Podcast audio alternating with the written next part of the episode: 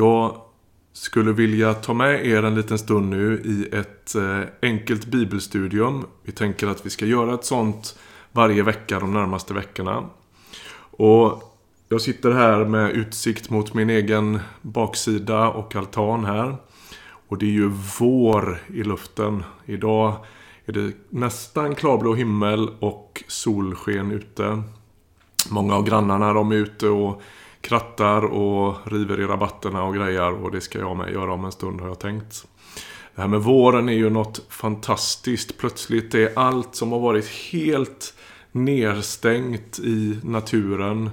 Där eh, frosten biter i alla, alla träd och buskar och, och det ser nästan helt dött ut. Så plötsligt så återvänder livet. Det spirar och det knoppas och plötsligt så är det löv på träden igen och det är en fantastisk tid. För mig som allergiker är den lite både och kan man säga. Men det är ändå fantastiskt när snön, slasket och kylan ger sig och livet spirar igen. Jag tänkte att jag skulle läsa en bibeltext tillsammans med dig ifrån Markus 4 och vers 26 till 29. Det står så här. Och Jesus sa Med Guds rike är det som när en man har fått utsädet i jorden. Han sover och stiger upp. Dagar och nätter går och säden gror och växer. Han vet inte hur. Av sig själv bär jorden gröda. Först strå, så ax, så moget vete i axet. Men när grödan är mogen låter han skäran gå för skördetiden är inne, står det. Här beskrivs hur de här olika faserna i naturen och i fröet som snart ska bli en växt, hur de liksom avlöser varandra. Fröet utvecklas tills det till sist blir dags för skörd. Och Bibeln hämtar ju gång på gång bildspråk just precis ifrån den här världen, ifrån naturen och allt vad den för med sig. Trons liv i Bibeln beskrivs inte som en mekanisk verkstad. Utan det är snarare så att bilder av växter, åkerlappar och träd används. Och så är det ju slående hur Jesus hela tiden arbetar med de här berättelserna. Det är sådd, skörd, ogräs, jordmåner och frukt. Och jag tänker, innan vi liksom landar i, i de här specifika texterna så kan vi bara konstatera att bara genom hans bildspråk konstaterar vi våra liv är organiska och inte mekaniska. Alltså också Jesus skulle ju kunna använt mekaniska bilder inte riktigt kanske kretskort och ettor och nollor och sånt. Men vagnar, hjul och hammare fanns ju också på hans tid. Men han gör det väldigt sällan eller aldrig. Och jag tänker att det finns ett budskap i det här. Kristet liv är just ett liv. Och vi får en del hintar i de här bilderna och valen av bilder som Jesus använder. Vad lär vi oss av det här? Och dels lär vi oss att en människa kan växa. Att en församling kan växa. Att mognad kan liksom öka. Ett berg är ett berg.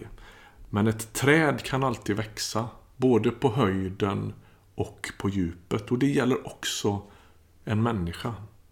Och de här organiska bilderna, de säger förutom det där med växt också någonting om att livet pågår i olika säsonger.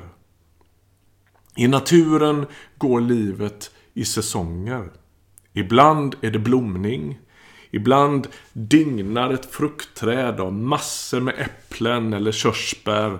Och ibland ser det där trädet nästan dött ut. Och man tänker det blir aldrig något mer liv där. En sån här klassisk text när vi talar om de här olika faserna i livet. Det är ju Predikaren. Som säger så här, det är egentligen ett ännu längre sammanhang med fler exempel. Men jag läser två versar, vers 1 och 2 i Predikaren 3. Där det står så här. Allt har sin tid. Det finns en tid för allt som sker under himlen. en tid för födelse, en tid för död, en tid att plantera och en tid att rycka upp. Så Bibeln beskriver tillvaron, också våra liv, som en slags eh, säsongsbetonat liv. Som att det sker i olika faser. Det här gäller både våra individuella liv och oss som en kristen gemenskap eller församling. Somligt blommar ibland för att under andra perioder gå i träda. Det behöver vila, det behöver återhämtas och det är som att den här död och livprocessen pågår på något sätt. Och frågan är då, för dig och mig, hur ska vi förstå och hur ska vi navigera i de perioder i våra egna liv när det här liksom ändrar sig? Jag tänker att vi är väldigt präglade av en slags mekaniskt sätt att tänka. Vi tänker väldigt lätt präglade av, um, ja, av, av vår tid och av vår kultur. Att om man bara trycker på den här knappen så händer alltid det här. Och det är ju... Eh, det, det är lite vanskligt att tänka i de banorna. Därför att, därför att det, det, finns de här olika cyklerna och säsongerna i livet som man i någon mening måste liksom leva med och inte kämpa emot. Hur hanterar vi perioderna när löven ramlar av och när ingenting verkar blomma? Allt ser ut att dö och frosten liksom biter i kroppen. Vad gör man då?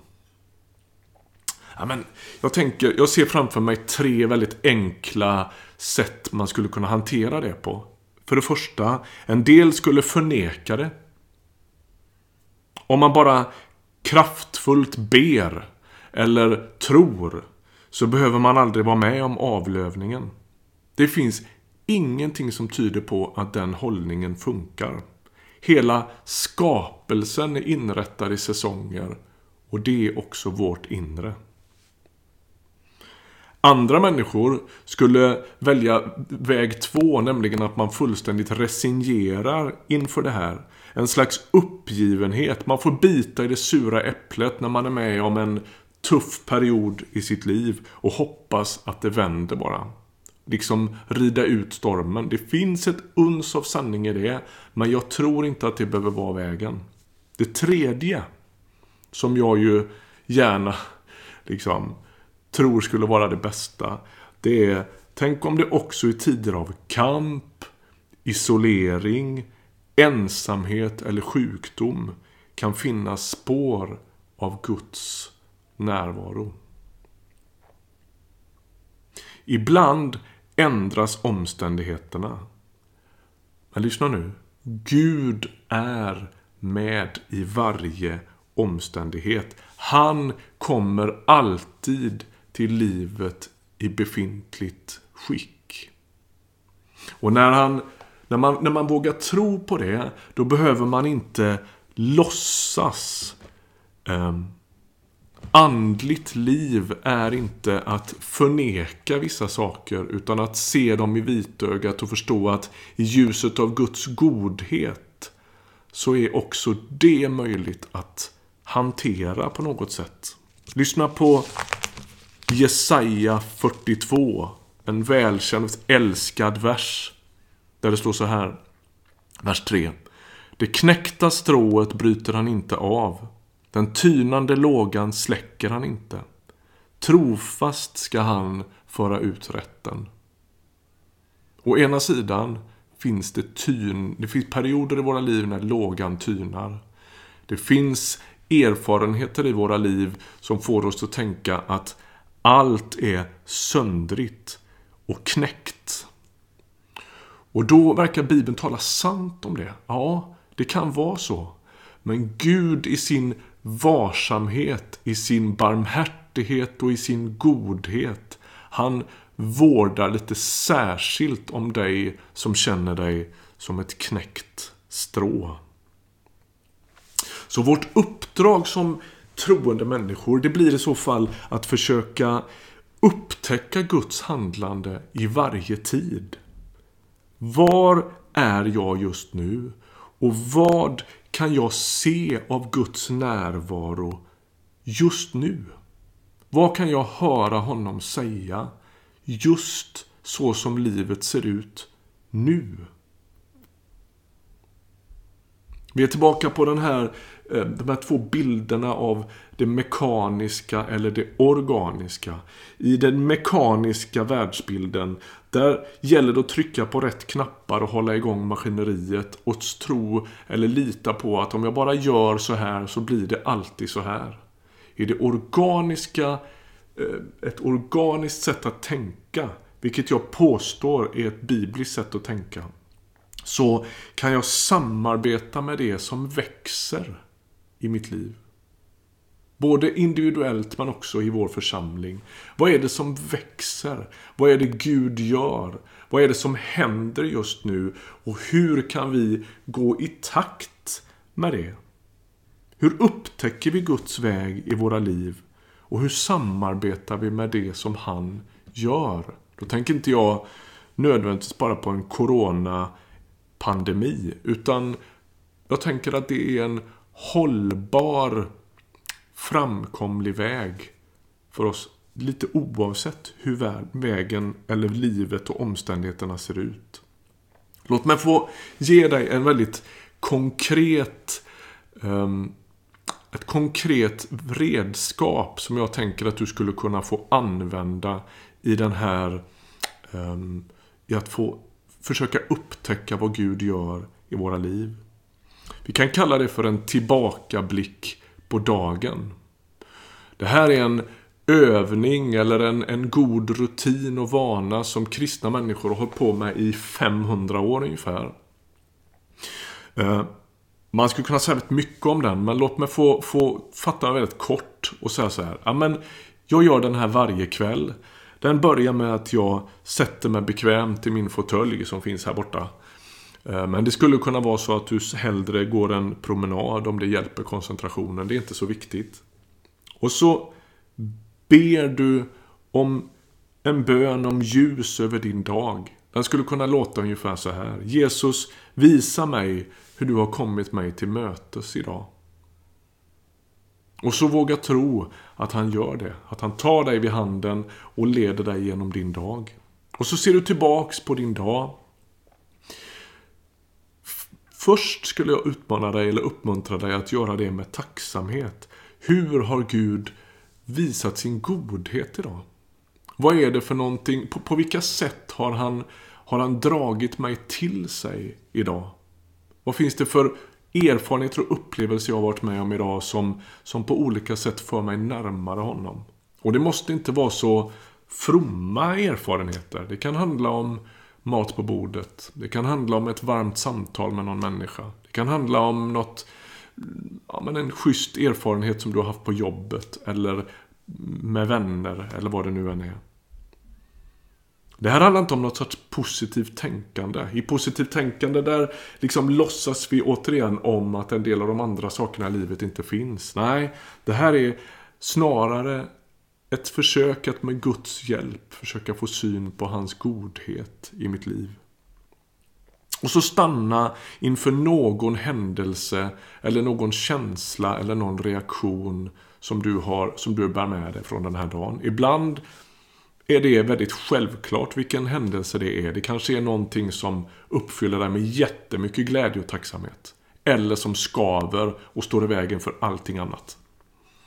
Men det kan också vara så att det inte är så mycket märkvärdigheter som har skett en dag. Och så får man försöka gå igenom sin dag och stanna inför, ja men här tror jag att Gud fanns med.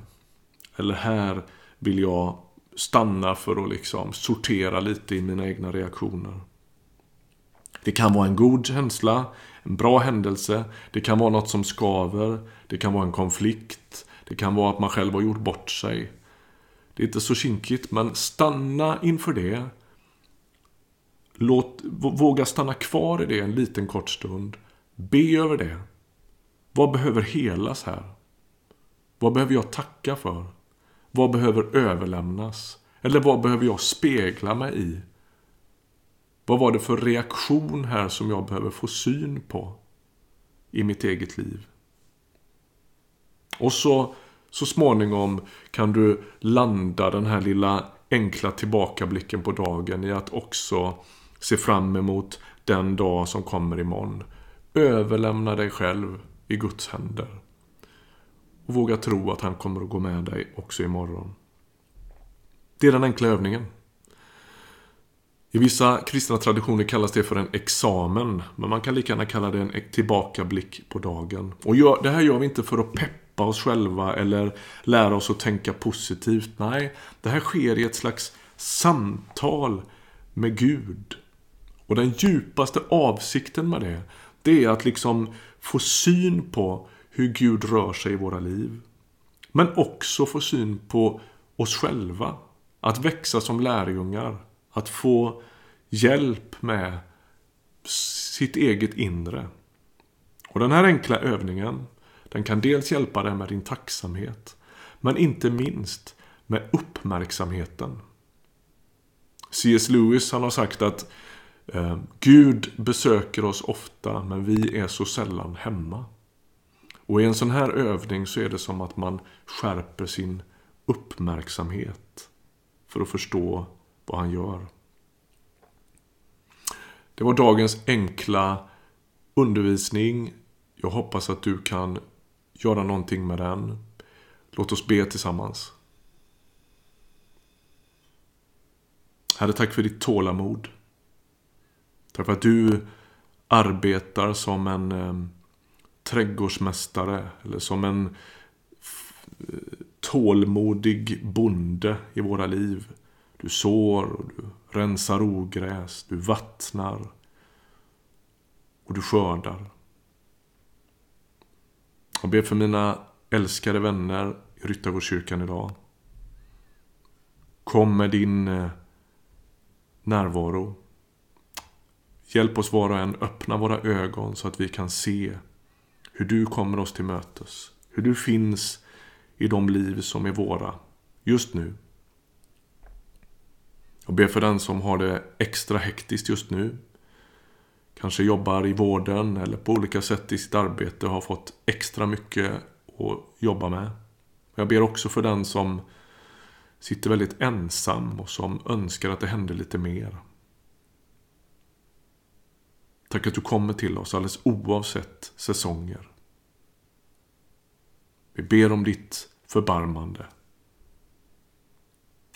I Jesu namn. Amen.